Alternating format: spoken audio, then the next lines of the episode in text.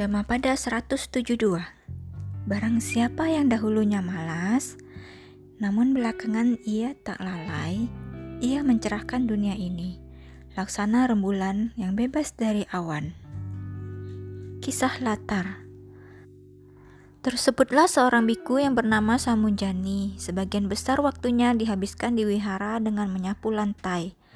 Waktu itu, Rewata tengah berdiam di wihara itu juga bermeditasi. Samunjani menganggap bahwa Rewata sangat malas. Suatu hari, Samunjani memberanikan diri untuk menemui Rewata dan bertanya, apakah sekiranya ia menganggap kurang pantas untuk membantunya menyapu wihara itu. Rewata menjawab bahwa seorang biku seharusnya menyapu sebentar pada pagi hari, dan bermeditasi untuk mencerap sifat sejati segala sesuatu guna mencapai pencerahan. Samunjani mengikuti nasihat itu dengan baik dan dalam waktu singkat ia mencapai kesucian arahata.